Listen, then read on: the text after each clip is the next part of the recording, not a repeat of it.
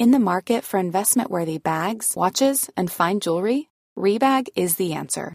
Rebag is a luxury resale platform where each piece is carefully inspected by experts to ensure quality and authenticity. Use Rebag to buy and sell finds from the world's top brands, including Louis Vuitton, Chanel, and Cartier. Head to Rebag.com and get up to 15% off your first purchase as a member with code REBAGNEW. Shop today at Rebag.com. That's R E B A G.com. And use promo code REBAGNEW for up to 15% off your first purchase as a member. Hey, I'm Ryan Reynolds. Recently, I asked Mint Mobile's legal team if big wireless companies are allowed to raise prices due to inflation. They said yes. And then when I asked if raising prices technically violates those onerous two year contracts, they said, What the f are you talking about, you insane Hollywood ass? So to recap, we're cutting the price of Mint Unlimited from $30 a month to just $15 a month. Give it a try at mintmobile.com slash switch. $45 upfront for three months plus taxes and fees. Promo for new customers for limited time. Unlimited more than 40 gigabytes per month. Slows. Full terms at mintmobile.com.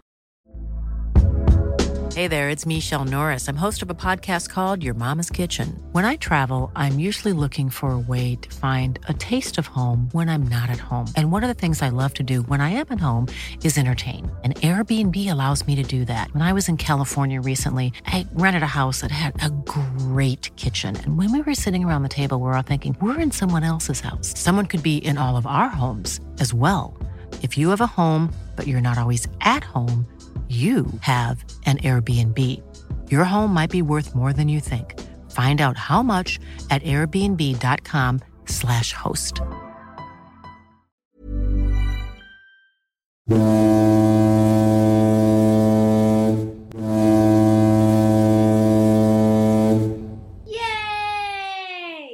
Sådär, varmt välkomna ska ni vara till ett nytt avsnitt av Do SSL.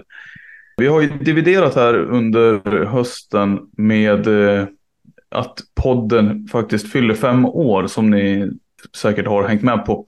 Och vi har ju funderat lite grann på hur vi ska göra det här och har eh, kommit fram till att eh, vi helt enkelt vill eh, bjuda in våra gamla gäster och våra tidiga gäster i podden. Och en av dem är faktiskt Elinor Bärling. Eh, också eh, en gammal spelare. Hon spelar ju tyvärr inte SSL innebandy nu för tiden. Men eh, vi tänkte i alla fall eh, ta ett snack med henne och eh, se vad hon gör idag då. Eh, så här lite grann några år efteråt. Eh, varmt välkomna i alla fall ska ni vara och eh, varmt välkommen ska du vara Elinor till eh, det här avsnittet. Ja men tack, kul att få en inbjudan trots att jag inte längre är aktiv som spelare. Ja, eh, det tyckte du var lite konstigt kanske, eller?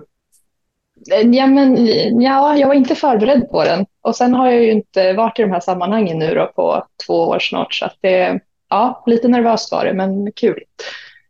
Jag kan säga så här, jag, jag kan också vara lite nervös eh, emellanåt, men det, det brukar gå bra ändå. Ja, men skönt att höra, du är inte ensam då. Nej. Men eh, vi, vi ska avhandla, ja vi skulle i och för sig, vi kanske ska göra bäst i att fråga vad som har hänt sen senast. Eh, det var, är det två år sedan du la av nu, eller hur?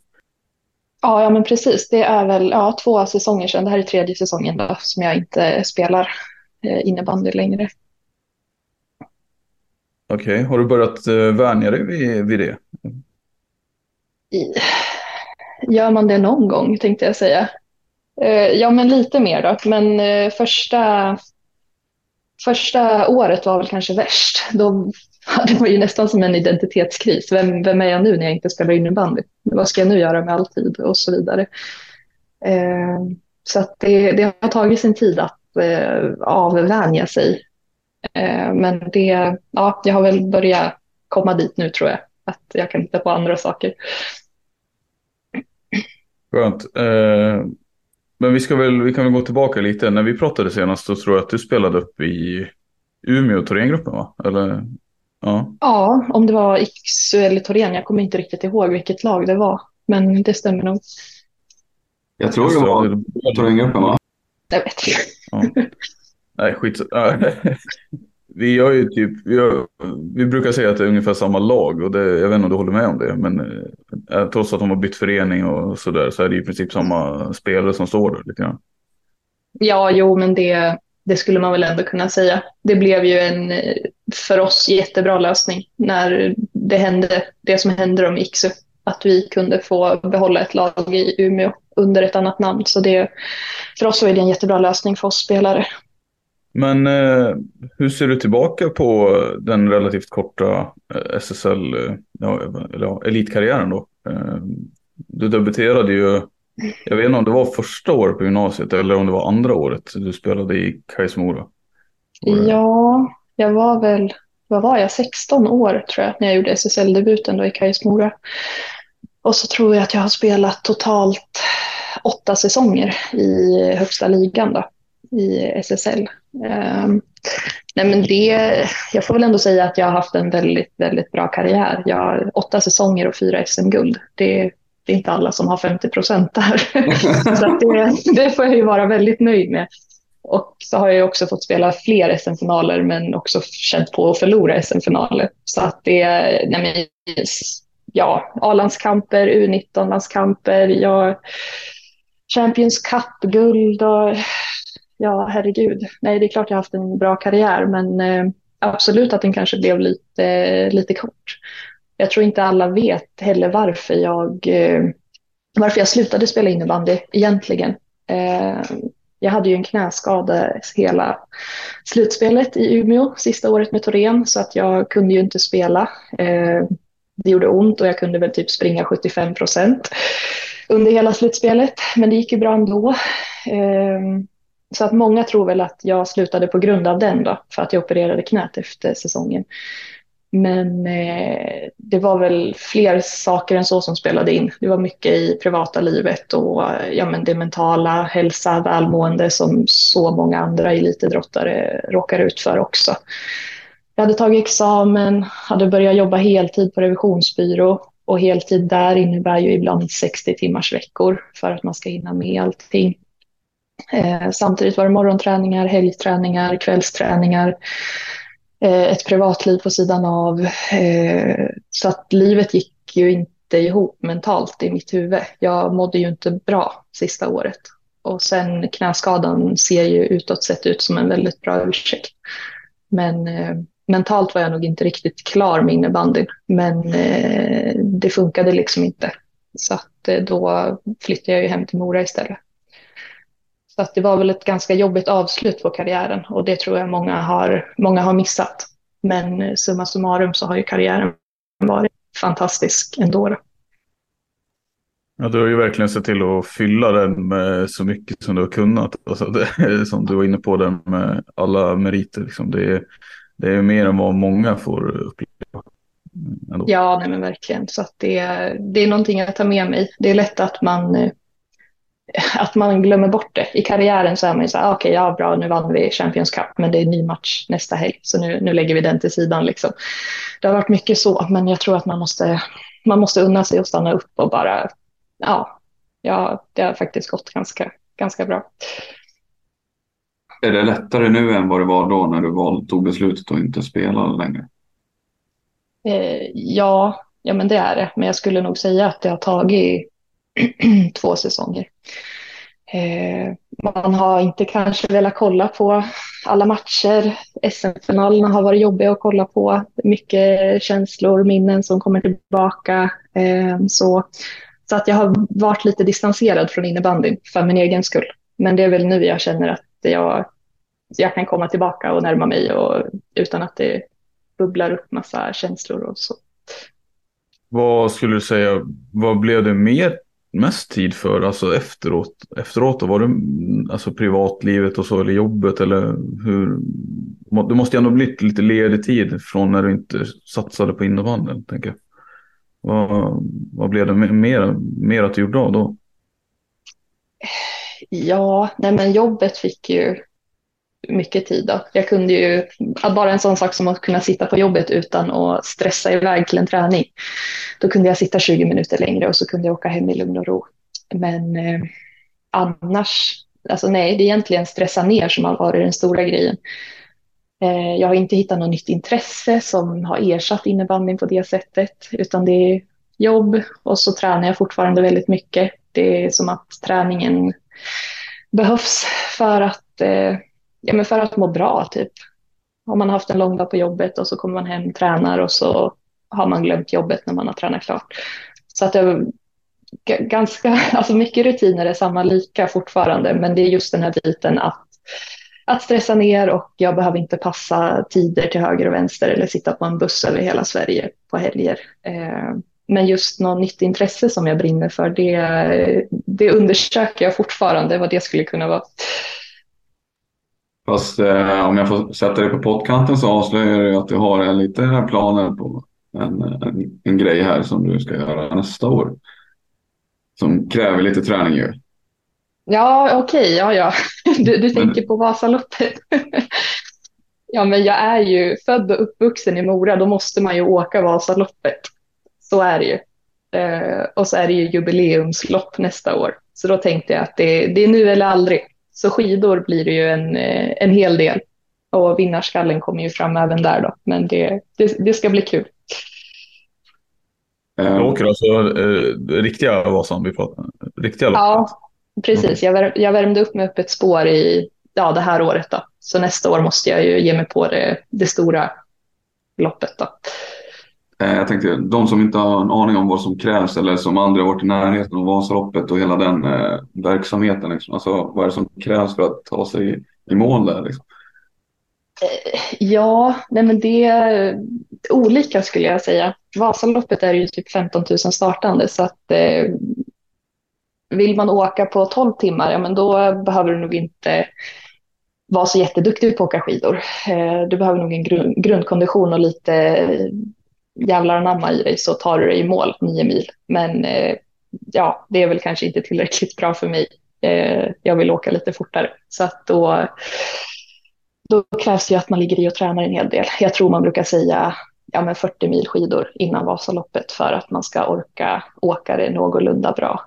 Men eh, ja, jag vill ju åka så bra jag kan då. Så att det, det blir en, en hel del skidträning i Mora och Vasaloppsspåret. Ja, eh, jag hoppas att du har förutsättningarna där, men det borde du väl ha med tanke på eh, just att det är Mora eh, för att åka. Jag tycker 40 mil, det låter långt alltså. Men det kanske inte är så långt när man åker skidor. Nej, nej det är inte så långt när man åker skidor. Och sen, vad är det nu då? Kan det vara 90-95 dagar kvar till Vasaloppet någonting? Så det är väl, ja, en mil varannan dag typ. Och så åker man kanske två, tre på ett pass. Så att det, det är fullt görbart. Du kanske ska testa Samuel. Absolut, någon gång säkert. Uh, just, ja. nu, just nu kanske inte. Vi får se. Ja, du kan få bo hos mig i Mora om du kommer hit så det, det är lugnt, det löser vi. Ja, ja vad bra. Kör någonting Inga ursäkter. Nej, exakt. Ja, du också Gustav för den delen. ja, nej. nej. Gurra har hittat på många ursäkter innan det. Nej, men fan det hade varit kul eh, faktiskt att se. Det vore ju tråkigt om de klippte banden eh, precis framför en eller sådär. Eller drog åt eh, snaran när man åkte, kom till Eldris eller de här, vad det nu är. Ja, ja, det är ju lite ledsamt. Men eh, jag hoppas att inte det ska vara en risk för min del. Men jag ska väl inte säga för mycket. Nej, men det tror jag inte. Det tror jag inte. Eh, någonting jag tänker på med dig Elinor som var, nu känner inte vi varandra så bra, men vi var ju bekanta ändå en del på gymnasiet och så. Eh, men du slog ju mig alltid som någon som tog, gjorde det bästa i de fält du tog dig an lite grann sådär. Att du ville vara, du tog allting som du gjorde på allvar. Och eh, är det någonting, är det en egenskap som du, eller ett karaktärsdrag som du har behållit? Jag frågar ju för att, eh, ja nu känner jag inte dig så liksom. Så att, men är det någonting du har behållit sedan dess? Ja, nej, men det skulle jag nog säga. Eh, tar jag mig an någonting så vill jag alltid göra det så bra jag kan. Eh, och det var väl också kanske en av anledningarna till att eh, livet inte gick ihop sista året jag spelade innebandy. Eh, att spela i Thorengruppen är, ja men det är inte bara tänkte jag säga, eh, det är mycket, mycket träningar och mycket krav och det ska vara hög nivå. Och då vill ju jag hålla mig till 110 procent där också. Samtidigt som jag är nyexaminerad, nytt jobb, ganska svår bransch där man aldrig blir fullärd. Eh, och där vill jag också gå in och leverera 100 procent. Jag har höga krav på mig själv i vardagen, eh, ja men hela tiden. Så det är väl det är inte alltid bra. Men, eh, och det var väl det som gjorde att det kraschade där kanske, att jag fick lov att trappa ner på någonting. Och tyvärr var det ju innebandyn som låg nära till hands då. Så att ja, det är väl bra och dåligt skulle jag säga. Men nu när du bor i Mora då, eh, följer du Kais någonting eller hur ser eh, det, den relationen ut? Ja, nej men jag eh, har väl lite koll eh, på matcherna och sådär eh, överlag i SSL. Eh, jag ska nog inte påstå att jag följer Kais Mora något nå mer, utan det är nog snarare Thorengruppen jag följer lite extra i så fall, som är mitt eh, gamla lag. Jag lämnade ju Kais Mora efter ja, ett år efter gymnasiet tror jag det var. Och det var väl för att jag kände att jag behövde, behövde någonting nytt och så då. Så att eh, ja, det, det, är många år sedan jag var i Kajsmora som förening eh, och jag har inte haft så mycket med dem att göra sedan dess egentligen. Så att det, det har väl liksom, man har vuxit ifrån varandra på något sätt, eh, tyvärr. Jag tänker en sån här grej Eh, har inte Kais själva försökt hålla en kontakt, en dialog med dig under de åren du har varit borta för att kanske ha en förhoppning om att du kan komma tillbaka till klubben i någon egenskap, spela eller kanske leda eller någonting? Det har inte funnits något sånt? Nej, eh, egentligen inte. Jag fick väl första seriösa frågan ja, men när jag flaggade för att jag skulle flytta hem då, eller flagga för, de, de märkte väl att jag flyttade hem till Mora och slutade i Torén. Det var väl då första riktiga diskussionen kom upp. Men eh, sen vet för jag två, inte. Eh, för två år sedan. Ja, sen vet jag inte riktigt hur deras, eh, ja men hur de tänker då. Men för min del hade jag väl kanske önskat att det var lite mer ja, att de kanske hade stöttat mig mer när jag valde att lämna Mora. Det var snarare som att jag jag fick känslan av att de tyckte att jag svek dem lite grann. Och jag hade väl hellre haft känslan av att eh, det är klart att du ska testa någonting nytt och du är alltid välkommen tillbaka. Det hade väl varit kanske önskvärt att känna, känna så. Eh, men eh, ja, det blev lite motsatsen. Så det har väl inte heller liksom bidragit till, eh, ja, till att man ville typ flytta hem och avsluta karriären i klubben. Utan ja, så. Men det är ju min, min bild på det hela. Det är inte säkert att de håller med om de skulle höra mig eh, säga det här. Så att det är kanske en känslig fråga. Jag vet inte. Ja, men jag tänker, jag, alltså jag hade ju tyckt att det, det är inte orimligt om man har duktiga spelare som kommer och lämnar eh, klubben. Eh, som dessutom är fostrade i klubben från orten. Att ja, men de här vill vi ha tillbaka någon gång i framtiden. Eh, alltså, det, det, handlar väl lite om att klubben ska kunna... Det ska finnas en försörjning av ledare eller spelare. Att man kan se till så att man har ett ekosystem någonstans där spelare kommer och går. Liksom. Men, ja, ja. I den bästa av världar så ska, alltså, så ska väl jag känna att jag har det klubbhjärtat att jag vill gärna typ komma tillbaka åka hem och kanske avsluta karriären i min modeförening som jag vann mitt första SM-guld med och där jag har liksom blivit en, jag har ju vuxit upp i den hallen och det är ju den hallen som har gjort mig till den bra innebandyspelaren jag, jag blev. Men eh, jag vet att det finns många andra spelare som har den känslan men det, nej, det var någonting som skavde där och ja men bara en sån sak jag tror man måste vara så stor i sig själv att möts man i en SM-final, typ X, Kajsmora eller ja, sådär, att man ändå kan, kan säga grattis till guldet fast man precis har förlorat. Alltså det, det finns ju ändå en person bakom prestationen också. Och jag tror att man måste vara så stor på sig själv att man kan sära på idrotten och människan eh, där då. Men det där fick jag ju inte en, jag fick inte ens en blick från flera välkända personer från min moratid. Liksom. Jag, jag fanns ju inte kvar då. då. Eh, men det, ja, det är ju dåtid nu då, så att det är svårt att ändra på. Men det, det har väl bidragit lite till att man har vuxit ifrån sin förening. Man kände att ja, det var som att jag svek dem och då, ja, då tappar man lite relationen det är ju såklart jättetråkigt. Men jag tänker, alltså många av de här, det måste ju finnas kvar rätt mycket folk ändå från den tiden du var där också, eller? Så, Det så att, mycket...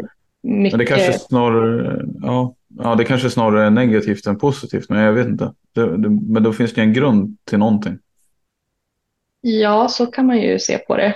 Eh, Det borde ju vara positivt, men eh, jag tror att man behöver... Det är jättebra med gammalt, men det är också bra med nytt. Jag tror att man måste hela tiden försöka se till att underhålla organisationer och föreningar och sådär. att man ändå kan få in lite nya, nya ansikten också. Att man kan dela med sig och kom, ja, men, ha en dialog och kanske försöka komma med olika förslag och så kommer man fram till vad som är bäst. Men eh, men ja, nej, det är jättemånga sam, samma gamla tänkte jag säga i föreningen som var där även på min tid. Det, det är ju, men eh, det kanske inte heller hade skadat med lite nytt. Kan du backa bara lite för att förtydliga för de som kanske inte är så liksom insatta i, i det. Men det du pratade om nyss med att du inte kände dig sedd. Eh, det var en SM-final antar jag. Mellan din dåvarande klubb Iksu och Kais. Mm. Ja, nej, men precis. Det var väl ett exempel då på, på ett ställe där jag kan tycka att man måste, ja, man, man ska väl i alla fall kunna se på en person och kommunicera, liksom säga någonting tycker jag. Eh, men det var väl som att jag inte fanns, så det har väl varit lite den känslan. Det var ju värsta rivalen jag gick till när jag flyttade upp till Umeå och till Iksu. Eh, det var ju på den tiden när Kais Mora fortfarande prenumererade på SM-finaler som jag gick till Iksu som var deras största konkurrent. Eh, men jag tycker man, man måste kunna sära på det. Jag flyttade ju också runt till Uppsala och Umeå för att studera och för att värna om min civila karriär efter innebandykarriären och det spelar ju också in.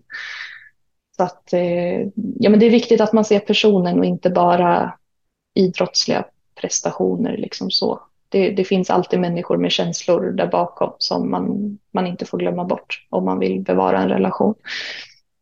Jag tycker i andra sportsammanhang så pratar man mycket om sådana här rivaliteter, klubbar sinsemellan och så. Men oftast tycker jag nästan, jag får intrycket att det är mer av en liksom, eh, alltså hatkärlek. Men oftast handlar det om att supportrar inte eh, gillar det. Medan klubbledare själva kanske inte har så mycket problem med det. Men, men när det gäller innebandy så finns det inte så många supporter-enklaver som ja, överlag liksom, så, som har någonting att säga, säga i sådana här frågor. Utan då, i och med att det är så mindre sport liksom. Men det låter ju, ja, det låter ju förlegat på ett sätt att det ska vara så. Eh, att man inte kan ha en mer öppnare och rakare dialog kanske. Jag menar, ja. Jag vet inte hur, Mm. hur du hade kunnat sköta det annorlunda, men det låter ju verkligen synd eh, med tanke på att det är din moderförening och allting. Eh, Ja, nej, men sen ska tilläggas att det här, det här är ju min bild av det och det är inte säkert att andra det, håller med om den här bilden. Men det, det är väl så jag har, jag har känt bara. Det är väl viktigt att tillägga det. Så att, men ja, det är självklart tråkigt. Jag bor ju ändå här nu då i Mora och har inte så långt till hallen. Eh, Men det, nej, det har inte blivit aktuellt. Ja, inte aktuellt med innebandy i någon form, nivå eller något sammanhang så. Nej, första året när jag inte spelade då, då fick jag ju vara expertkommentator i några gånger för eh, Sportexpressen då, som sänder innebandymatcherna. Eh, Men utöver dem så, så gick jag på min första innebandymatch i, i fredags och kollade på Kais Mora och Thorengruppen. Jag har inte gått och kollat på någon match sedan, eh, sedan dess. Sen jag slutade spela fram till i fredags på nästan två år. hur, var, hur var stämningen då, då efter, efter den matchen? Ja, men det var ju det var bra. Eh, Torén vann ju såklart, men det var inte så stora siffror, så jag tyckte att Kais Mora gjorde en väldigt bra match och stod upp väldigt bra mot Thorengruppen. Men det var fantastiskt roligt att få se Torén-tjejerna igen. Jag har ju inte sett dem spela sedan jag själv spelade med dem, så att det, var, det var fantastiskt. Och så fick jag träffa flera gamla fina kompisar från, från laget, så att det, var, det var fantastiskt.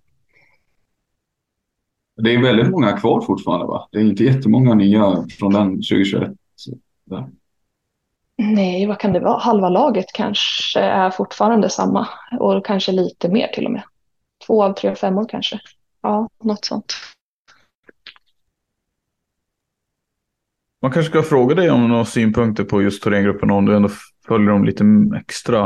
Eh, hur du ser på eh, ja, men deras lag 2023 och eh, vad, vad du tror om våren som kommer här snart. Min känsla är att de har börjat väldigt eh, stabilt. Eh, och ja, det, det, är inte att sticka ut hakan direkt att eh, tro att de kommer stå där i eh, SM-finalen igen eh, direkt. Nej, nej, men jag har nog eh, inget ont att säga om Torén så. De är, har ju varit jättestabila nu under hösten.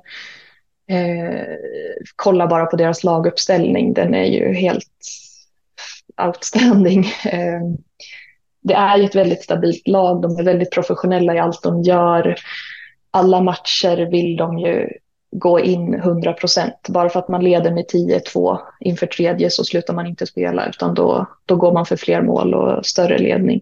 Eh, och det tror jag är ett vinnande koncept och någonting som är bra att, bra att hålla i. Och inför våren nu då, ja det är klart att jag tror att de kommer gå till final. Stor eh, risk eller chans är väl att de också kommer ställas mot Pixbo igen. Ehm, och Pixbo har varit och nosat på Torén nu. De har varit nära och de ledde ju nu senast i seriematchen med 6-2 tror jag innan Torén gick in och vände. Ehm, men Torén visar ju då också att, att de kan ju vända även mot sådana lag som Pixbo. Ehm, och det finns nog ett mentalt övertag också mot just Pixbo som Torén har. Så att, nej, men jag sticker väl ut hakan och säger att de tar guld igen i vår. Oj, oj. Mm -mm. ja, men för mig var det en sån match som kändes som att okej, okay, det här tappar Pixbo alltså efter sin ledning. Eh, det här måste ge sig någon trolig... Alltså det måste, det måste vara sånt minispsyke för deras del när de nu ska fortsätta eh, resten av säsongen. Och förmodligen, förmodligen till och med säkert ta sig till en final och sen vet man att, eh, att Torén har varit steget före eh, förmodligen hela säsongen. Eh, och att man inte lyckas knyta säcken bara liksom och bevisa att man kan, eh, man kan slå dem eh, i, en, i en enskild match. Så. Eh, det har, man har ju gjort det förut förvisso men ja, just den här säsongen då. Ja, nej men verkligen. Jag tror att Pixbo är också samma lag som de har haft i flera år. Det är inte så många spelare in där. Och Torén har ju har legat under många matcher mot Pixbo men lyckas ändå vinna och jag tror att det någonstans ligger och grubblar där i bakhuvudet på Pixbo-spelarna att de kan inte känna sig trygga med en 5-2 ledning i en SM-final för att Torén kan alltid komma, komma tillbaka ändå liksom. Men du nämnde att du jobbar på revisionsbyrå för att prata om något helt annat. Hur skulle du säga att det civila livet är då annars? Vad, vad är det bästa med att liksom inte ha en elitkarriär så utan eh, bara kanske ägna tid åt andra saker? Vad skulle du säga är det bästa med det? Ja, svår fråga. Nej, men, eh, all tid, all ledig tid. Jag kan göra vad jag vill. Eh, jag behöver inte mm. planera helger. Jag behöver inte planera två månader framåt när jag ska åka och hälsa på min syster eller när jag ska åka och träffa en kompis. Eller, ja, jag, jag kan göra nästan vad jag vill när jag vill. Och just den friheten har jag aldrig haft sedan jag började spela innebandy när jag var fem, sex år. Liksom. Då har det bara varit idrotten för mig hela tiden. Så det är väl den största omställningen. Och sen blir det väl då att ja, i och med att jag är den som satsar 100 procent så får väl jobbet eh, mer fokus. Och det känns som att det är där jag lägger lite mer krut idag. Va? Var jobbar du någonstans nu? Ja, företaget jag jobbar på heter Kurev AB. Det är, eh, ja vad kan vi vara, 45 stycken anställda tror jag, eh, runt om i Dalarna och så har vi även kontor i Söderhamn och Uppsala. Men eh, det var en del av PVC tidigare. Men sen mm. valde PVC att eh, lägga ner sina kontor i, ja, i hela Dalarna. Och då hade vi, som tur var, personer som ja, jobbade på PVC och som sa att Nej, men vi, vi startar upp en egen byrå. Så då kunde alla anställda i princip följa med från PWC till det här nya företaget. Och så behöll vi alla våra, nästan alla våra kunder och så. Så att det blev en jättebra lösning. Du trivs bra med det? Ja, men det gör jag. Det är ett utmanande jobb. Man lär sig mycket nytt hela tiden. Ehm, sen börjar jag börjar närma mig valet och kvalet om jag ska bli auktoriserad revisor som det så fint heter. Ehm, då måste man ju skriva ett prov för att klara det. Då. Och då måste man också plugga ganska mycket för att klara det provet. Så att jag måste väl eh, bestämma mig om det är någonting jag vill eh, satsa på eller inte. Vad, vad lutar åt då?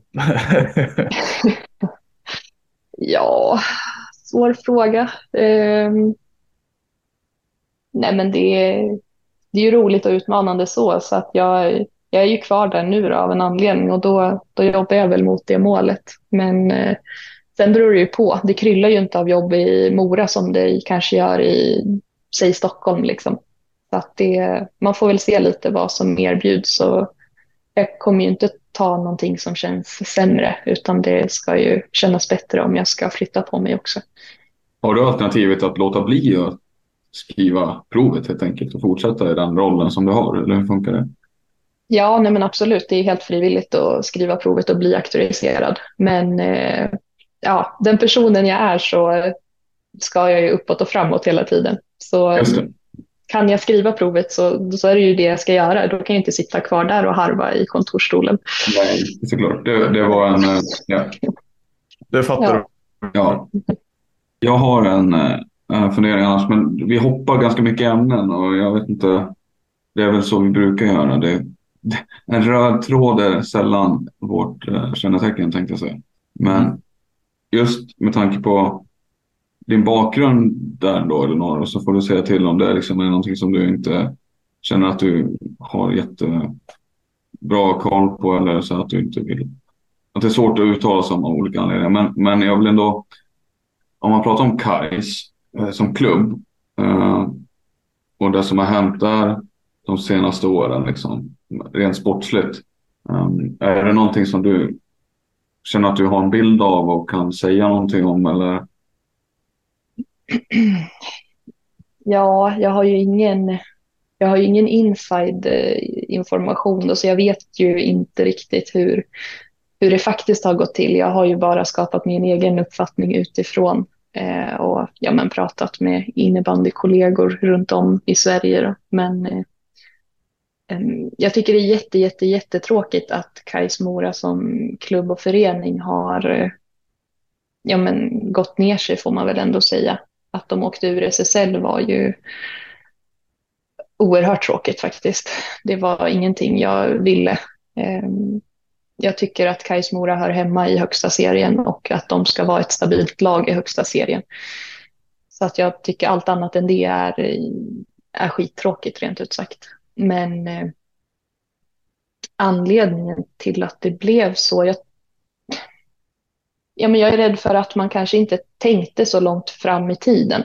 Man måste ju hela tiden tänka framåt, eh, framtiden. Vad händer om, om den här spelaren slutar? Vad händer om den där slutar? Ja, men vi måste hela tiden försöka upprätthålla en bra, en hög lägstanivå liksom i laget så att det alltid finns spelare som, som kan ersätta eventuella andra spelare. Och det är väl viktigt att man inte stirrar sig för blint på specifika spelare. Det är jätteviktigt att det är ett lag. Innebandy är ju ett lag, tyvärr. Eh, så att man måste även man måste se till hela gruppen och att gruppen fungerar som helhet och att man har en plan för vad som komma skall. För att det kommer alltid finnas personer som, som flyttar på sig eller slutar av olika anledningar eller skadar sig eller så. Så att man, man kan inte vara beroende av ett fåtal spelare. Det gäller att man har en stabil och stark grupp för att det ska funka i längden tror jag. Och brist på planering alltså? Ja, men lite så. Att ja, det gäller att fylla på underifrån hela tiden och se till att ge yngre spelare utrymme, låta dem växa så att det finns någonting att ta av hela tiden när mer rutinerade väljer att flytta på sig. Och det tror jag handlar lite om planering och så. Mm. Alltså istället för att uh, värva ihop ett nytt lag bara när nya spelare eller när folk väljer att lämna så har man kanske redan värvat spelare på förhand eller plockat upp spelare från ungdomslaget eller juniorlaget som är där och fyller upp truppen och sen har man så att säga uh, redan uh, man ligger redan seglat före på det sättet. Alltså, Ja. jag säga att det, det skulle kunna vara ett sätt att jobba på. Eller? Ja, men att man kanske tänker när, när man värvar spelare att man tänker mer långsiktigt också. Vad kan få den här personen att faktiskt vilja stanna här? Mm. Vad, vad kan vi erbjuda i långa loppet? Eh, och sen, ja men det är ju lite som att rekrytera till en arbetsplats egentligen. Eh, passar, passar personligheten in här? Vad, pass, skulle den trivas här i Mora? Eh, tror vi på den här personen? Ja, men kan den utvecklas och bli kvar här? Eh, det är ju det är ju massa sådana bitar och det var ju det Kais gjorde så himla bra när de var som bäst. Då hade de ju spelare som stannade här i många, många år och trivdes så himla bra i klubben. Och de var nödvändigtvis inga världsstjärnor när de kom till Mora. Men de blev ju det i Mora. Eh, och det är väl någonstans det där att försöka ja, men, kunna lista ut vilken typ av personlighet och ja, men, vilka är de här människorna där man kan hitta, hitta det här. Och så måste man göra det i tid då, så att man får chansen och möjligheten att, eh, att lära upp sig och bli trygg och vilja stanna på orten och växa, växa in i sin roll och så vidare. Det, det är ju svårt som ett helt nytt lag, även fast det är många jätteunga, jättetalangfulla spelare så är det ju svårt att och mäta sig mot de bästa lagen i SSL om man aldrig har spelat SSL tidigare. Eh, och hade de fått några år träning och rutin så hade det ju varit helt annorlunda. Men ja, återigen, planering, framförhållning eh, och så vidare är nog en, är nog en bra nyckel. Nu är de tillbaka i alla fall.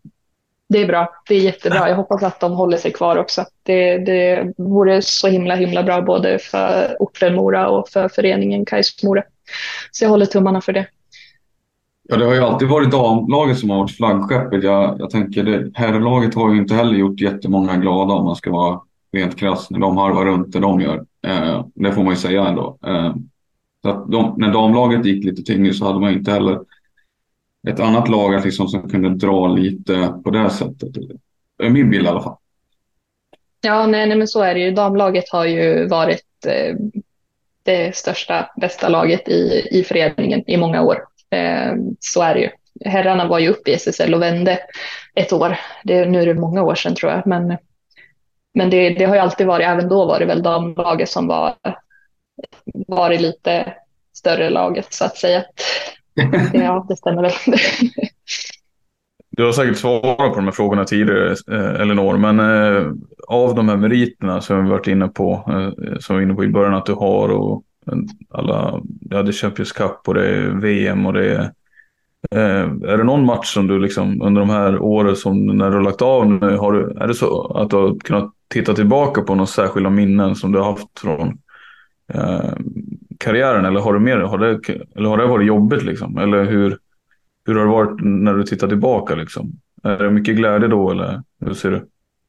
Ja, men i, i början var det ju lite jobbigt, men eh, ska man typ snacka så här bästa idrottsliga liksom, ögonblicket så, då får jag väl ändå lov att säga att det var ja, första SM-guldet, alltså mitt första SM-guld och första SM-guldet med Kais Mora, det var ju ändå speciellt.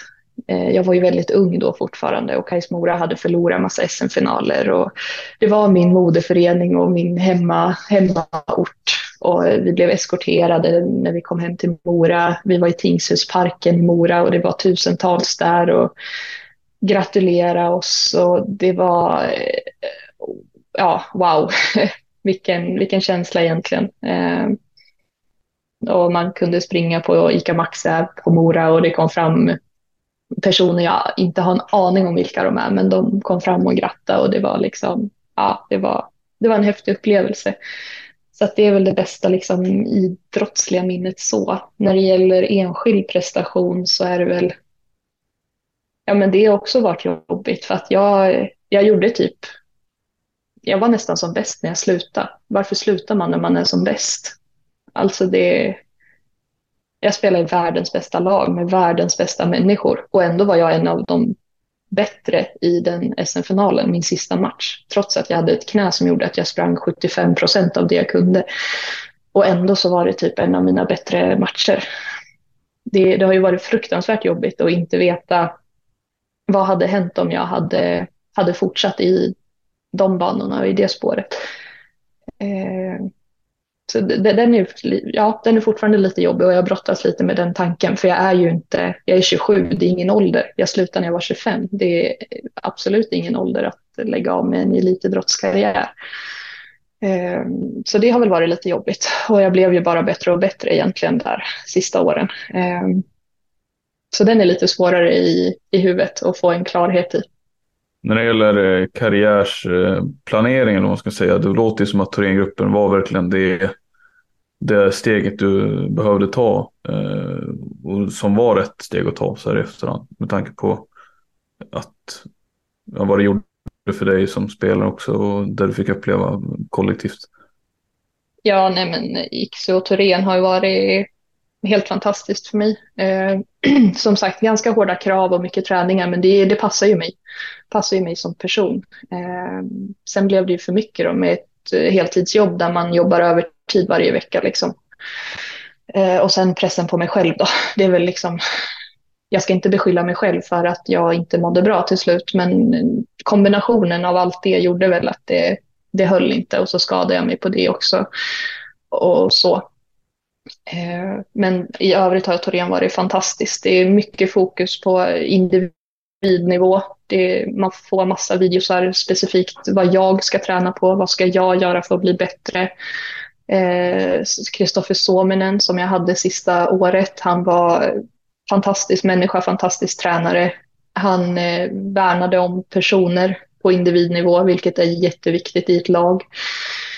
Han kunde komma fram till mig och säga, men tänk på det här när du ska skjuta ett dragskott eller tänk på det där och nyttja det här mer för du är så bra på det. Och, ja, men man, man blev sedd eh, och det blev man såklart av fler tränare och spelare där också. Men utvecklingen var ju, var ju ja, fantastiska förutsättningar för att bli så bra som möjligt.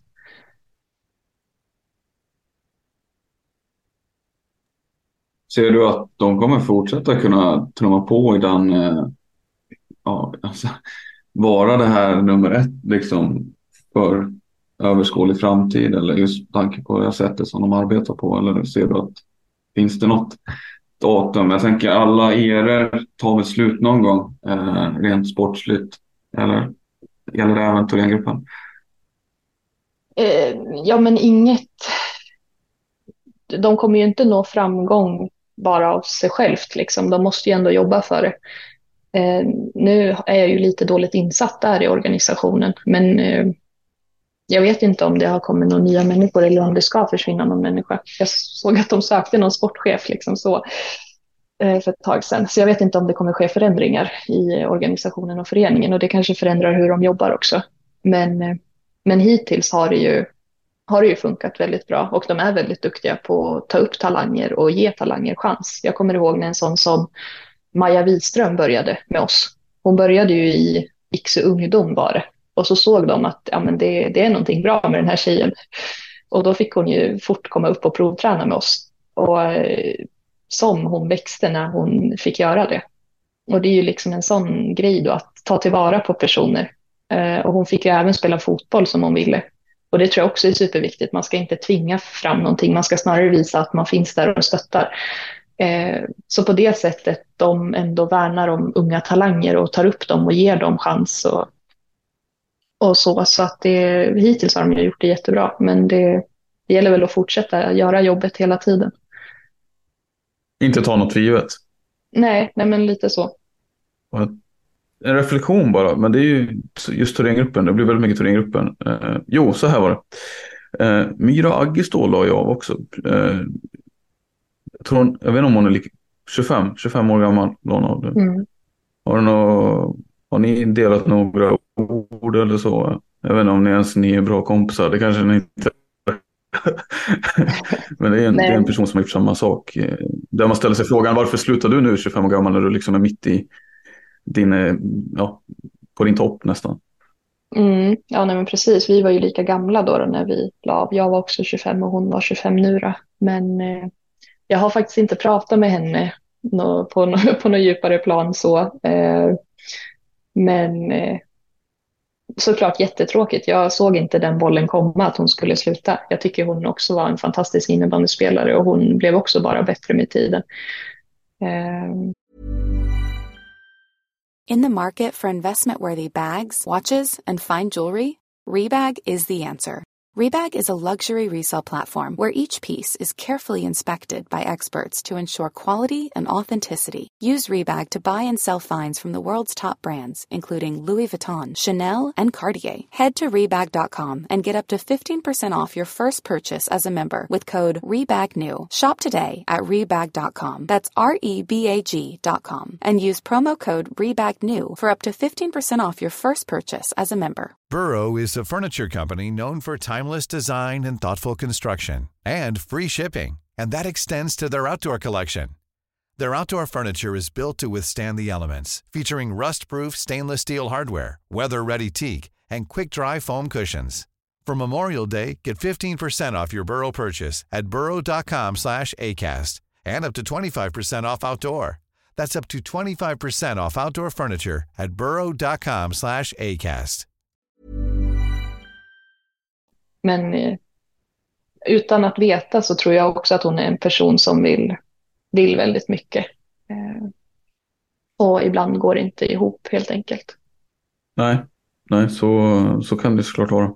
Eh, Jag tänkte på just om man går tillbaka lite till dig och hur du upplevde att du var typ som allra bäst när det blev ett avslut för dig. Rätta mig om jag har fel, men du fick ju göra lite byten där under din karriär från eh, forward, vad det var, till back. var det inte center? Ja. Center Jag började ju som center. Eh, och sen när jag kom upp i A-laget i Kais Mora så, eh, så var jag väl också forward en del. Eh, och sen blev jag ju back efter det. Jag kommer ihåg att det var ju flera matcher då jag hade alla positioner under hel, ja, hela matchen. Jag, jag var överallt. Och sen i Uppsala då blev jag ju forward igen då. Då var väl syftet att jag skulle göra lite mer mål och sådär. Eh, men under den säsongen så ville han också att jag skulle vara back. Eh, sen kom jag till Iksu Torén och då visste de inte riktigt vad, vilken position jag skulle ha.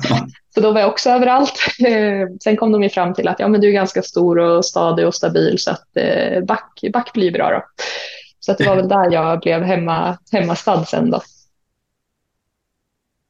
Ganska bra ju. Smart. Bra tränare. Var det formuleringen? Stor och stadig, stabil, eller vadå? var det så exakta orden?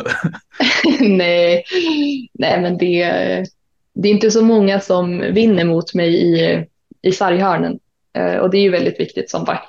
Eh, och sen har jag väl ganska bra, hade i alla fall får jag väl säga, hade bra speluppfattning och kunde lägga bra passningar och starta spelet på ett bra sätt. Och det är väl också viktigt som back. Och sen i Torén framförallt och så körde vi ju ofta 1-2-2. Att man är ganska själv som siste, siste man på backen. Och den rollen hade ju jag ett tag. Och då kan man ju inte hålla på och göra massa misstag. Då sätter man ju sig själv och laget i skiten. Så att jag spelade väl ganska säkert och gjorde inte så många stora misstag.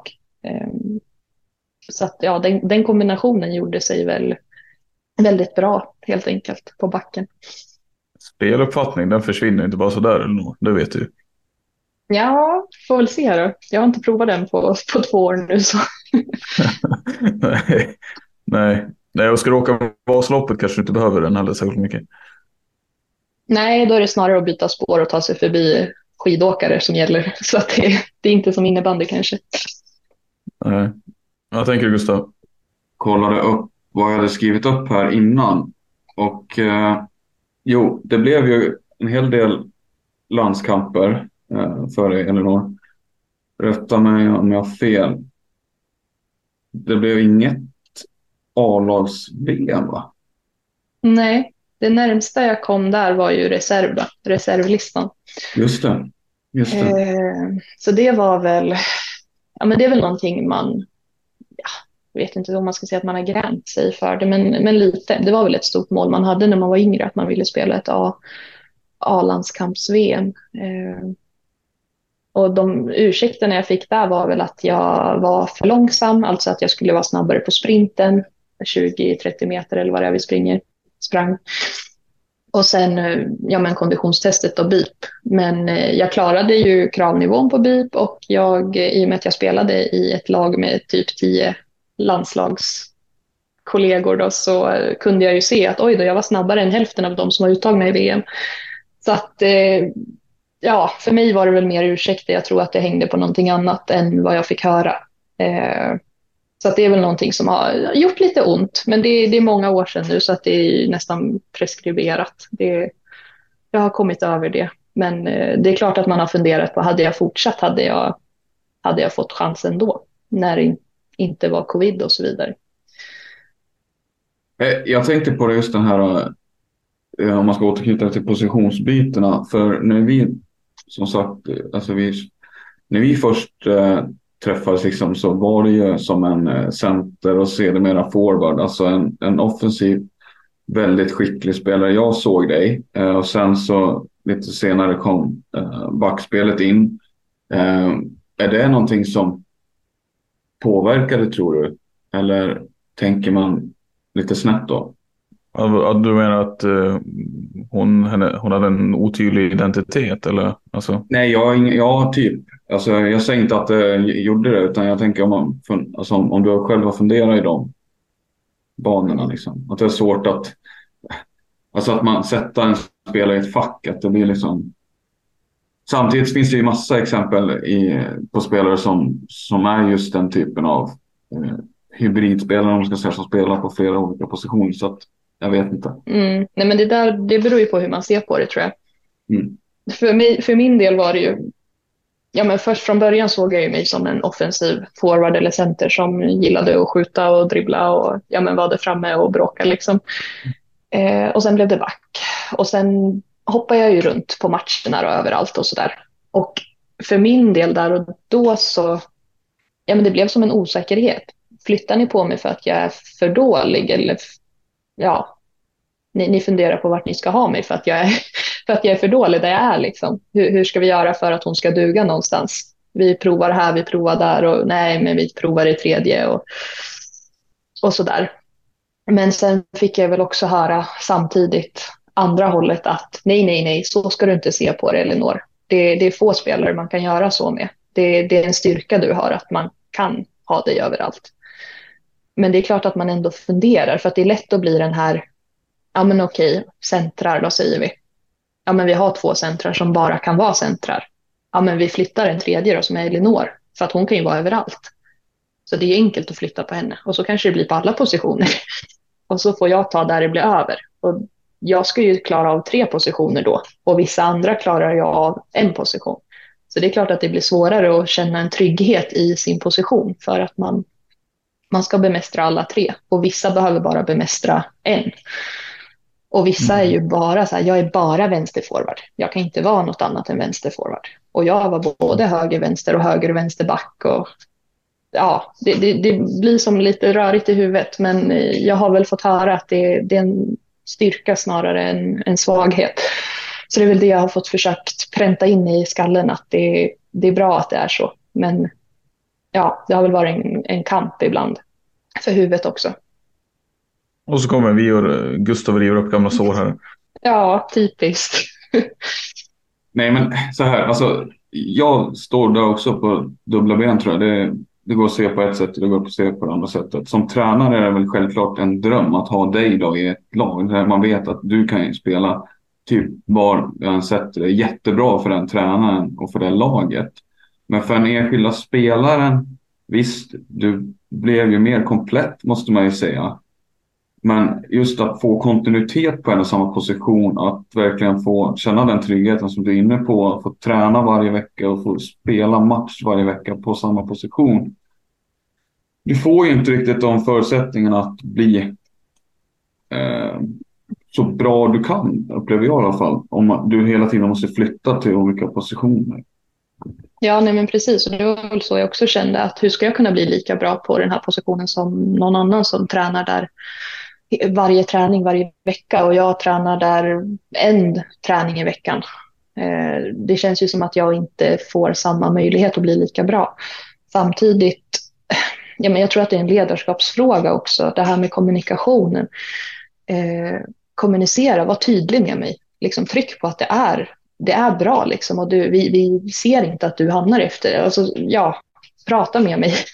Jag tror det är superviktigt, men det är väl också någonting som har varit eh, ja, men jag har blivit väldigt intresserad av typ ledarskap och psykologin i, i lagidrotter. Hur viktigt det är och samtidigt hur svårt det är för en, kanske en tränare som inte kan någonting om ledarskap. Han är bra på innebandy, man kan ingenting om ledarskap. Hur ska man hantera ett lag på 20 tjejer då? Eh, ja, så att jag tror den där kommunikationen och det, det är väl en av svårigheterna känns det som i lagidrott och kanske framförallt ännu mer med tjejer. Det är klart att man kan ställa kravet på att ja men vad tusan Elinor, ha lite självförtroende och ha lite självkänsla och liksom rak i ryggen och kör på nu bara. Men det, det funkar inte så. Jag tror inte många människor funkar så. Ehm, och då är det viktigt att man, att man kommunicerar. Det kan räcka med att man bara hälsa på alla på varje träning och får jag samma respons som jag brukar? Nähä, varför fick jag inte det? Och så kan man ju bara, ah, allt bra eller liksom, eller hur, hur går det i övriga livet? Eller ja, ja men sådär. Eh, ja men se alla är jätte, jätteviktigt. För att det, många har tankar som man går och grubblar på hela tiden. Men det där tror jag en del, kanske nog mer, fler och fler inser också är viktigt och en del av tränaruppdraget. För att det är ju någonstans så du bygger ett framgångsrikt lag och veta vad det är för spelare du har i truppen och hur du kan arbeta med dem eller hur du borde arbeta med dem för att de ska spela som bäst. Liksom. Och, alltså, det är också grunden för att din egen innebandy som du vill få in kanske ja, kommer den funka liksom? Eh, ja, om den ska funka så måste du kanske göra på det här sättet för att annars så kom, ja, funkar den inte så är det i, i slutändan din, din egen roll och din egen position som försvinner. Eh, för man byter inte ut ett helt lag heller utan då är det ju, får man hitta enklare lösningar och den enklare lösningen är ju alltid att eh, tränare eller så vidare får byta på sig. Så att det ligger ju lite grann som jag ser det, ledare eller tränarens intresse att vara en god ledare också. Eh, men ja. Ja, nej, men det är ju svårt och jag vet inte hur långt innebandyn har kommit där. Men eh, under min tidiga karriär då, eller sådär. Då. Så, ja, men jag vet inte om ledarskapsfrågan har varit central i rekrytering av tränare. Det handlar mer om hur bra är man på innebandy. Men en bra innebandytränare måste ju kunna båda delar eller ha personer runt sig som kompletterar eh, personen. Och eh, ledarskap och psykologi, alltså det, det, är centralt. Det är precis som på en arbetsplats. Det är, det är viktigt att man trivs och mår bra och att man blir, blir sedd. Liksom. Så om man eh, tittar tillbaka på de tränare du har haft, vem har varit bäst på de bitarna skulle du säga? Oj, måste jag tänka lite vilka jag har haft under alla år. Men, nej, men jag skulle nog säga, eh, ja men ja, som jag, den jag lyfte tidigare, Kristoffer Suominen tyckte jag gjorde det väldigt bra. Han gick runt i bussen på bortamatcherna, kunde slå sig ner bredvid en pratade liksom, frågade hur det var, och om det var någonting man tänkte på och störde sig på eller om det var något i livet som strulade. Eller... Och det var det ju för min del där och då. Eh, så att nej, men jag kunde få sitta där och gråta ut och liksom bara berätta hur jag kände. Och bara att han tillät mig att göra det. Att man inte måste vara så jäkla hård och allt är bra hela tiden. Och ibland är det mycket mentalitet att när vi kommer på träning så då skiter vi i privatlivet. Nu är det innebandy som gäller. Men de kor korrelerar ju. För att vara bra på innebandyplan måste du ju trivas privat också någonstans. Det är svårt att bara liksom helomvända. Så att han var väldigt bra på det och eh, man kunde ringa till honom. Jag minns att det var något samtal vi hade. Han kom fram till mig inför slutspelet och ja, men sa några ord till mig. Och sen när han gick därifrån, jag var så jäkla förvirrad. Jag bara, hur ska jag tolka det här? Menar han att jag är dålig eller menar han att jag är bra och kan värna om mig? Eller vad, vad, vad tusan menar han liksom? Och då satte jag mig i bilen efter träningen och bara, ringde upp honom och bara, du, jag fattar inte vad du menar, kan du, kan du förklara för mig igen? Liksom. Och den, den biten har jag inte haft med många tränare, att man känner den, den tryggheten att man kan bara, hörru du. uh, nej men så han, han var jättebra på det och han, eh, han, han ville ju vara bra på det så han försökte ju hela tiden. Sen kanske inte det gick hem alla gånger, hela tiden, överallt med alla spelare, men det fanns ändå en välvilja att, att jobba på det och det, det är viktigt. Ja, det måste ju vara en av utmaningarna också att en trupp består av oftast fler karaktärer än en och att veta hur man ska bolla. Alltså en ledarstil kanske inte är eh, en annan spelare kanske inte uppskattar den ledarstilen lika mycket som en annan och så vidare. Och det är ju såklart en av, måste ju vara en av utmaningarna med när man är tränare. Att, eh, ja, att, eh, att se det också, eller bolla det, försöka förhålla sig till det. Men eh, jag ja. tänker på, du har ju haft fler tränare. Jag vet inte, Jernberg var en tränare. Det var väl din tränare ett tag? Daniel? Mm, nej. Var han inte det? Nej. Suominen var min sista. Sen tror jag att han kom efter det, när jag slutade. Ja, just det. Så var det. Mm. Tror jag. Just det, just det så tidslinjen. Han har inte varit tränare så länge, Daniel. Men han var ju mm. tränare för herrlaget, har jag för mig. Ja, men precis. Det stämmer nog. Eh, men jag vet, jag vet, vad heter han då? Johan... Eh, Johan någonting heter han ju. Eh. Lingon.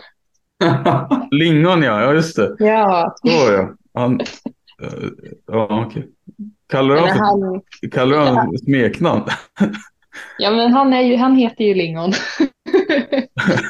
okay. Alla vet vem Lingon är.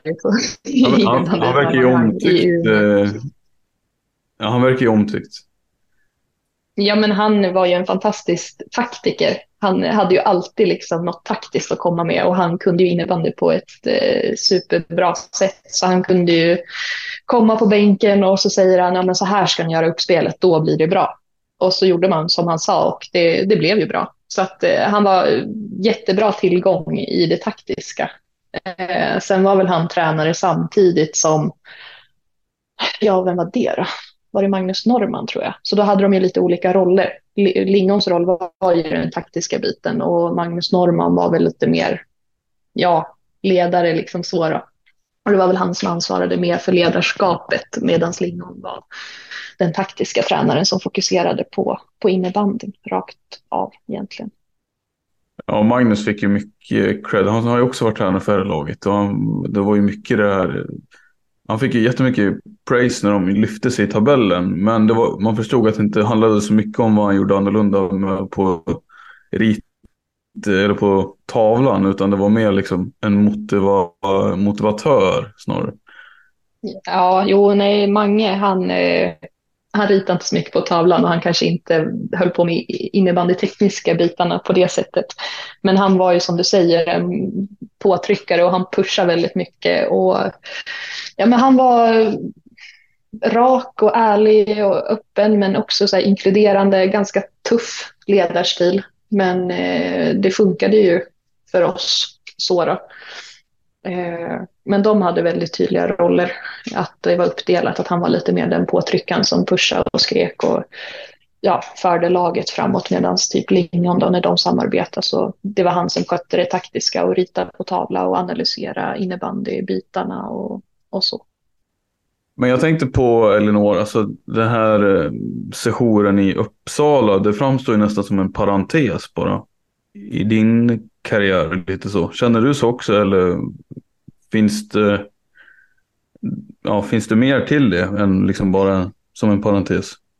Mm, nej, nej, men ja, jag, jag tänker kanske inte på den tiden i Uppsala så jättemycket. Men eh, jag tycker inte att den ska förminskas heller på något sätt. För att det var, det var ju då jag bröt mig loss då från, från orten, från Kais Mora och Mora som hemort och flyttade och bytte lag för första gången. Och det, jag fick en helt ny roll i Kais Mora så kallade jag ju mig själv för lite mer städtant på den tiden kommer jag ihåg i Uppsala så skulle ju jag vara den som gjorde typ mycket mål och jag skulle vara med och leda laget. Jag fick en, eh, Jag hamnade i kaptensgruppen direkt jag kom dit. Alltså jag, jag fick så mycket större roll i Uppsala och det, det gav ju mig en slags erfarenhet som jag ändå är evigt tacksam för. Och sen vet jag inte om det hjälpte mig att komma till Umeå. Men, eh, men jag hade ju en liten plan att jag blir nog ettårig i typ Uppsala och sen åker jag vidare till Umeå för att man kunde kombinera studierna på det sättet. Eh, och jag behövde nog den boosten av självförtroende som jag fick i Uppsala. Samtidigt som jag också behövde känna att jag trivs inte i, i den, den här typen av lag. För att jag trivs ändå att vara där det är typ seriöst och det är hårda krav och det är liksom så. I Uppsala var det ju lite, inte mindre seriöst, men lite lägre krav, inte lika mycket träningar. Det var mer liksom lag, laget gick ut och festade om det var matchfritt. Och i, i ett sånt lag som Iksutorén, ja men då ska du ju inte röra alkohol liksom på säsongen. Det, det gör man ju inte. Nej, men det, det är väldiga skillnader och det kan ju också speglas i tabellen, liksom, tänker jag. Men jag fick ju också mig själv att inse att jag vill ju vara i ett lag där det är seriöst och jag vill vara i ett lag där jag kan bli så bra som möjligt och kan bli bäst. Liksom. Så att det, det var väldigt nyttigt för mig att, att känna på det. Och det gjorde att jag förstod mer också att eh, ja, men Kais Mora var bra, Iksu Torén också bra. Det är liksom i, i de lagen jag, jag trivs. Så att det, nej, nej, men det var väl ändå en, en bra tid. Nyttig erfarenhet att ta med sig. Hur kom det sig att du hamnade där från första början? Ja, nej, men precis. Jag hade ju bestämt mig redan när jag tog eh, studenten var det, att jag, jag ger det ett sabbatsår och sen så ska jag börja plugga. Och, så det hade jag i bakhuvudet hela tiden, att jag skulle flytta och börja plugga. Oavsett i princip.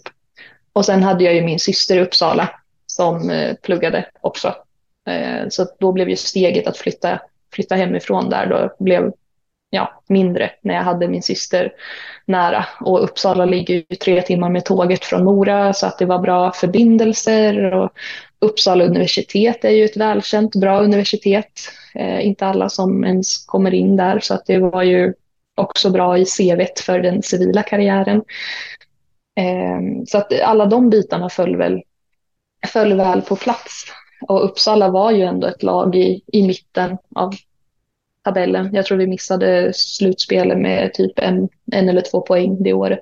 Så att vi var väl, vi var väl, det var ett helt okej lag liksom så. Så att det var, nej men alla bitar i livet föll, föll väl på plats i Uppsala. Men jag visste väl någonstans i bakhuvudet att chansen, risken att jag flyttar på mig norrut, typ till Umeå, var överhängande stor redan när jag flyttade till, till Uppsala.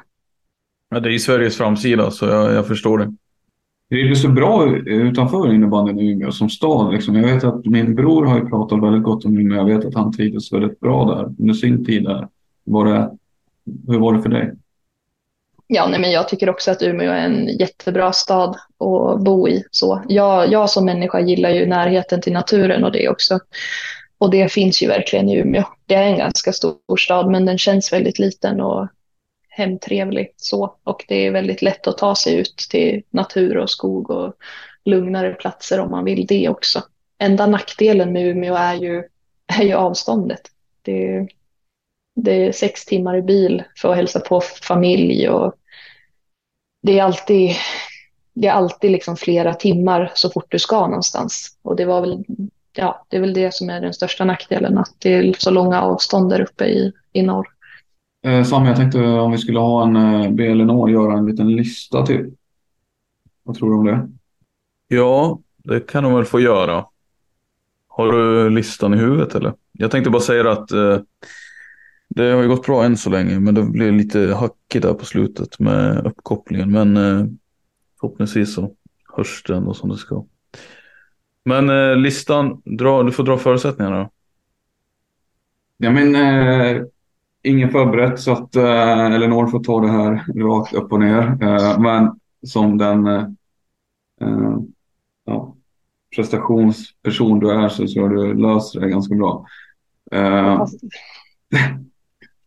ja, men, eh, en av de bästa, alltså bästa spelare vill jag ha eh, som du har spelat med. Eh, så här, mött också funkar, alltså som du har delat plan med, spelat med eller eh, haft i motståndarlaget. Eh, och eh, om du kan ta fram en för varje position eh, utöver det så skulle jag bli väldigt glad. Alltså en målvakt som du vill lyfta fram. En back utöver dig själv. Du får inte nämna dig själv obviously. Eh, center, forward och så vidare. Oj. All time då, så att det måste inte vara någon nu utan det kan vara någon tidigare. Svårt. Jag börjar bakifrån då, eller nerifrån kanske är mer korrekt att säga, målvaktssidan. Eh, jag måste nästan, ja, Jonna Mäkelä säger jag där. Från tiden i Kais Mora. Fantastisk målvakt, extremt reflexsnabb och bra på att kommunicera och ja, riktigt bra var hon. Eh, back ska vi se. Cornelia Fjellstedt säger jag nog där. Och då syftar jag framför allt på ja, men också spelförståelse där, hennes förmåga att hitta passningar och trollar med bollen och ja, riktigt grym spelare. Jag har en Sen- poddfavorit faktiskt. Ja, det har varit så. Ja, kan ja jag förstår ju varför. Eh, center. Hmm, hmm, hmm. Ja, ja, men Anna Wika är ju också tryggheten själv med bollen och hittar bra med passningar och så. Så att nej, hon är nog den bästa centern. Och forward jag har spelat med. Den är svår. Jag tycker det är jättesvårt att säga vad är den bästa forwarden? Vad ska en forward vara bra på? Är det att göra mål eller är det liksom helhetspaketet? Men, eh, ja, men jag säger väl, jag gör det enkelt för mig, säger Vera Kauppi. Fantastisk teknik. Och eh, hon kan ju trolla upp i princip vem som helst på egen hand. Så att Konkurrensen. Ja, det, jag skulle vilja rabbla upp så många, men det, ja, jag får nöja mig med en. Men om man går det att bygga vidare på den här för att göra det typ lättare för dig och säga en femma istället då? Att man lägger till en back och en till forward liksom? Eller blir det bara ännu svårare? Nej. Ja, det blir ännu svårare. Vera Kauppi, det målet hon gjorde där i eh, senaste SM-finalen. Det finns ett ögonblick där som blev väldigt... Eh, jag tycker det säger ganska mycket. Det var det just den här eh, när hon tar den med sig på en touch förbi Ida Sundberg ja, som, som ska vara en av världens bästa backar och gå bort sig. Relativt enkelt ser det ut som, men det är mycket skicklighet bakom det där. Men eh, ja, det, det säger väldigt mycket om man kan innebandy och vet vad det är för personer. Det är ja, fantastisk prestation. Jag vill också Ja. tro att jag inte hade gått bort mig mot henne på det sättet. Men eh, det låter som att jag har hybris när jag säger så. Nej, nej då, inte alls. Och backpositionen där. Eh, jag minns ju en back från um, Kais Mora-tiden. Eh, Silvana Nötzli. Det var ju... Eh, nej, jag tror inte det. Silvana Nötzli, eh, Elinor. Vad är, dina, vad är dina minnen av henne där? Vad, hur högt håller du henne som spelare? Jag menar, en grym back, absolut. Jag tycker att hennes stil påminner ganska mycket, ja men det är lite My Kippele och hon hade samma spelstil skulle jag säga. De, de två är offensivt starka backar som är jätteduktiga offensivt, men jag tycker nog inte att det är de bästa defensiva backarna vi har haft. Ingen av dem faktiskt. Eh, Men det är också en sån där grej som man kan diskutera väldigt, väldigt länge. Vad är världens bästa spelare? Vad är världens bästa back? Vad ska en back vara bra på för att vara världens bästa back? Många gånger så ser man bara i poängprotokollet på grund av okunskap och på grund av att det är enkelt. Okej, åh, den här backen har gjort så här många mål, då är den en bra back. Men hur många mål gör, är bakåt? Hur många felpassningar gör den här backen varje match? Hur många dåliga lägen sätter den här backen oss i varje match? Men det syns ju inte i protokollet på samma sätt. Och det, det är många sådana diskussioner och man har ju olika åsikter där och alla tycker olika. Men eh, offensivt en väldigt, väldigt duktig back. Men jag har andra backar som jag sett sätter som defensivt bättre. Nu ska vi se, samma bytt plats. här. Här sitter vi i ett fönster och eh, därmed mörklägger du hela ditt ansikte. Mm, ja, jag är på jakt efter att hitta den bästa internetuppkopplingen här. Det går sådär. Ja, men det är bättre nu ju. Ja, men vad bra. Vad bra. Eh, tidigare var det en jävla fördröjning på ljudet och bilden. Eh, Ja, Elinor och jag pratade Silvana Nötsli här och vad som kännetecknar eh, med en bra back helt enkelt. Eh, alltså, både hon och Mikipeli Kippele då är ju väldigt offensivt. Eh, I Nöstes fall, hon spelar väl inte ens längre, eh, men de var, hon var väldigt offensivt duktig back. Men just defensivt kanske det finns andra som är betydligt bättre. Ja, det finns ju också, jag vet inte om Elinor har spelat med henne, men Moa Chöpp är en sån back som gör väldigt, väldigt mycket poäng. Eh, men som jag vet inte, jag vet inte om man kan klassa henne som väldigt endimensionell eller vad, eh, vad tycker du om henne som spelare då, Elinor? Eller som Nej, back snarare? Ja, som back. Nej, men hon är också fantastiskt duktig eh, offensivt. Eh, hon, är, hon är stark defensivt. Det, det är hon. Eh, men hennes främsta styrkor är ju förmågan att ta sig framåt i banan. Tycker jag. Eh, ska man prata defensivt så tycker jag väl, ja men typ Ida Sundberg är ju jätteduktig defensivt. Hon är fantastisk på att ta bollen och ta bollen av duktiga spelare så. Eh, men eh, ja, jag spelar ju med Moa en eh, session i Mora där då och jag var väl till och med hennes backkollega ett tag. Och det, det var ju fantastiskt lärorikt. En jätteduktig innebandyspelare som ställer höga krav på sina medspelare. Ja, en otrolig vinnarskalle känns det som också, precis som du själv. Eh, men hon har ju, hon har ju det händer saker, hon, hon tar saker framåt på ett sätt känns det som. Ja, nej men minst sagt stor vinnarskalle. Eh, men hon är också en väldigt snäll och trevlig människa där bakom. Eh, så det är lätt att se hur en person är på planen, men hon, hon eh, har en bra sida bakom den där hårda fasaden som många kanske ser på planen, att hon kan vara hård och lite så, men eh, jättetrevlig och snäll utanför planen alla gånger.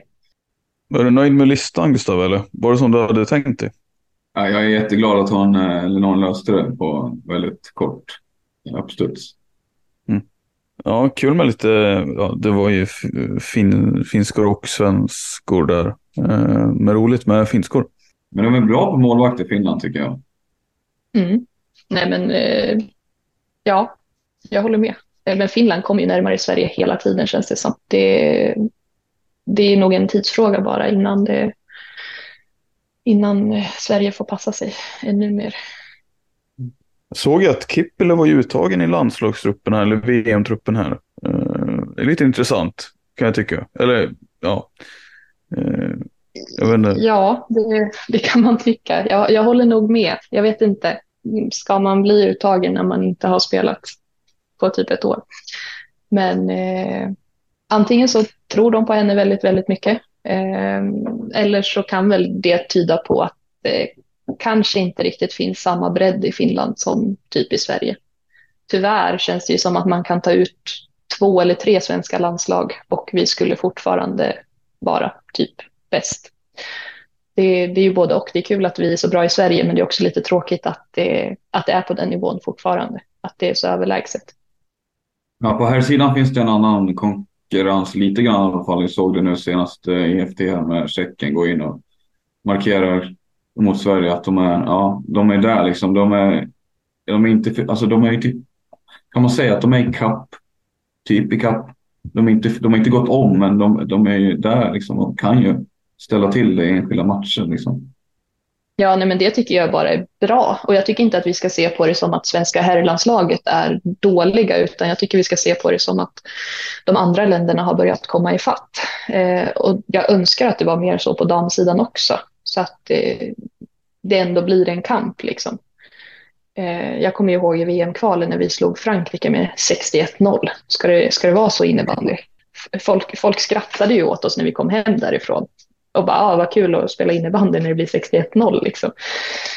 Så att det, det är ju synd Ja. att det blir så, men det var ju kul att spela den matchen och få sätta det världsrekordet som det blev då. Men, eh, men ja, det, det är lite synd att det fortfarande är på den nivån. Hur kommer det sig att det inte blev mer eh, jobb för Expressen där då? På livesändningarna och så? Ja, du, det får du nog fråga journalisten eh, Anders Borgström för då, som, som hörde av sig till mig. Men eh, nej, jag, eh, jag, jag är nog ingen journalist. Jag, jag jobbar ju som sagt som revisor och fördomsfullt om revisorer är väl att vi är ganska tråkiga och fyrkantiga. så, att, så att sitta och prata och bjuda på lite gott skvaller och tycka till och säga vad folk gör bra och dåligt. Jag vet inte, jag var nog inte så bra i den rollen. Så att jag, jag förstår varför jag inte fick några fler matcher. Och sen ställde jag inte heller upp och åkte särskilt långt. Jag var i Falun och det är väl en timme bort. Eh, att åka till Karlstad som är tre timmar och fyra timmar bort och sådär, det, det var det väl inte värt helt enkelt för att gå runt. Eh, så att det var väl en blandning på de frågorna. Jag tackade inte ja till allt jag fick och när jag väl gjorde det så, eh, ja, självkritiskt så får jag väl säga att jag inte levererade som de kanske ville. Ja, det, vem vet, det, det, kan ju, ska inte säga att det, det, det, kan ju hända att det kommer fler chanser för dig. Eh, men du, ja. det, verkar inte vara någonting du vill göra kanske heller. Så det nej, nej, men det var väl både och. Det var väl roligt på ett sätt, men eh, jag vill ju inte heller liksom svartmåla någon och det är mycket så subjektivt och det, det, ja, återigen, jag vill göra ett bra jobb och för att göra ett bra jobb då måste jag hänga med innebandyn och följa och ha koll på laget. Och jag själv tycker inte om de som bara sitter och kollar statistiken, alltså poängstatistiken, för att innebandyn är mycket mer än så. Men eh, kollar man inte på innebandy så kommer jag ju inte heller ha koll på något annat än statistiken. Så att det, ja, lite så. Nej, jag förstår vad du menar. Jag förstår vad du menar. Det är väldigt mycket sifferhets inom innebandyn känner jag. Statistikhets. Ja, och det tror jag bygger på okunskap. Många kommentatorer i innebandyn jobbar ju med flera olika sporter. Och jag kommer ihåg det, jag kollade på någon match på Faluns herrar och kommentatorn säger Galante Karlsson. Och man bara, men hallå. Är det någon spelare du ska kunna namnet på så är det väl typ han. Att han inte heter Karlsson liksom. Det säger ju ganska mycket om hur dålig koll kommentatorerna har ibland. Eh, ja. Och i SM-finalen när jag spelade då kallades jag för Boris Svärd flera, flera gånger under matchen. Typ när jag gjorde mitt mål så sa de oj, det där var ju bra. Så då kunde ju Boris Svärd rätta till sina tidigare misstag. Bara det att hallå, det var inte jag. Det, ni, ni tar fel på person. Alltså. Ni, ni är lika, det förstår man. Det, inte någonstans. Alltså, Nej, och jag blir så här, hur dålig får man vara? Alltså lite så, nu är jag väldigt hård här. Och, men ja, det måste ju finnas någon typ av grundnivå om vi ska ta innebandyn framåt och uppåt. Och ja. Helt enig med dig. Jag tycker ja, det, det måste finnas en minimikrav. Jag håller helt med. Mm. Det gäller även när man skriver artiklar tycker jag om saker och ting. Och innebandy också.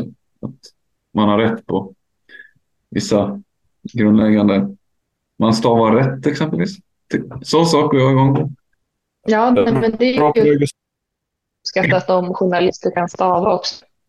Men det är ännu viktigare att ni revisorer kan stava. Ja, jo men sant. Det blir lite jobbigt annars om revisionsberättelsen blir fel. Riskerar att få lite konsekvenser eller?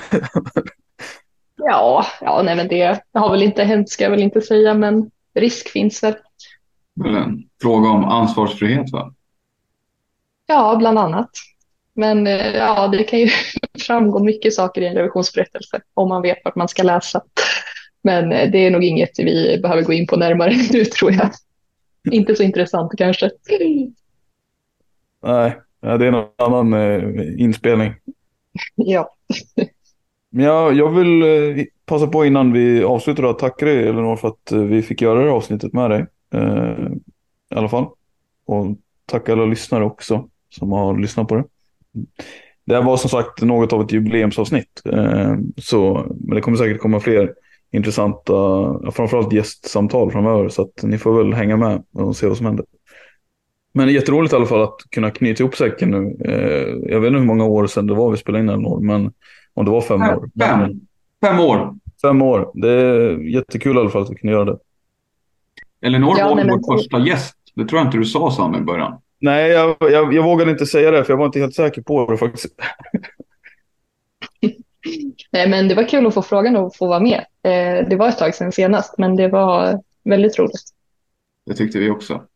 In och följ oss på våra sociala medier, Instagram och eh, Facebook är det framför allt. Eh, vi har ju TikTok-konto Samme också, kom jag på. Ja, hur går det med det då? Ja, stadigt. Stadigt uppåt. Ja, vad bra. Roligt att höra. Ja. Men där, där Men, kan eh, man, man får gärna in och eh, följa oss. i alla fall.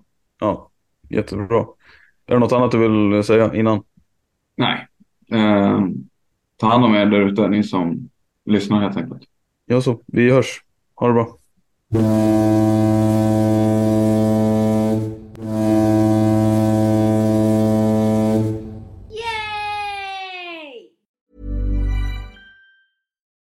Deserves the best, and there's no better place to shop for Mother's Day than Whole Foods Market. They're your destination for unbeatable savings, from premium gifts to show-stopping flowers and irresistible desserts. Start by saving 33% with Prime on all body care and candles. Then get a 15-stem bunch of tulips for just $9.99 each with Prime. Round out Mom's menu with festive rosé, irresistible berry chantilly cake, and more special treats. Come celebrate Mother's Day at Whole Foods Market.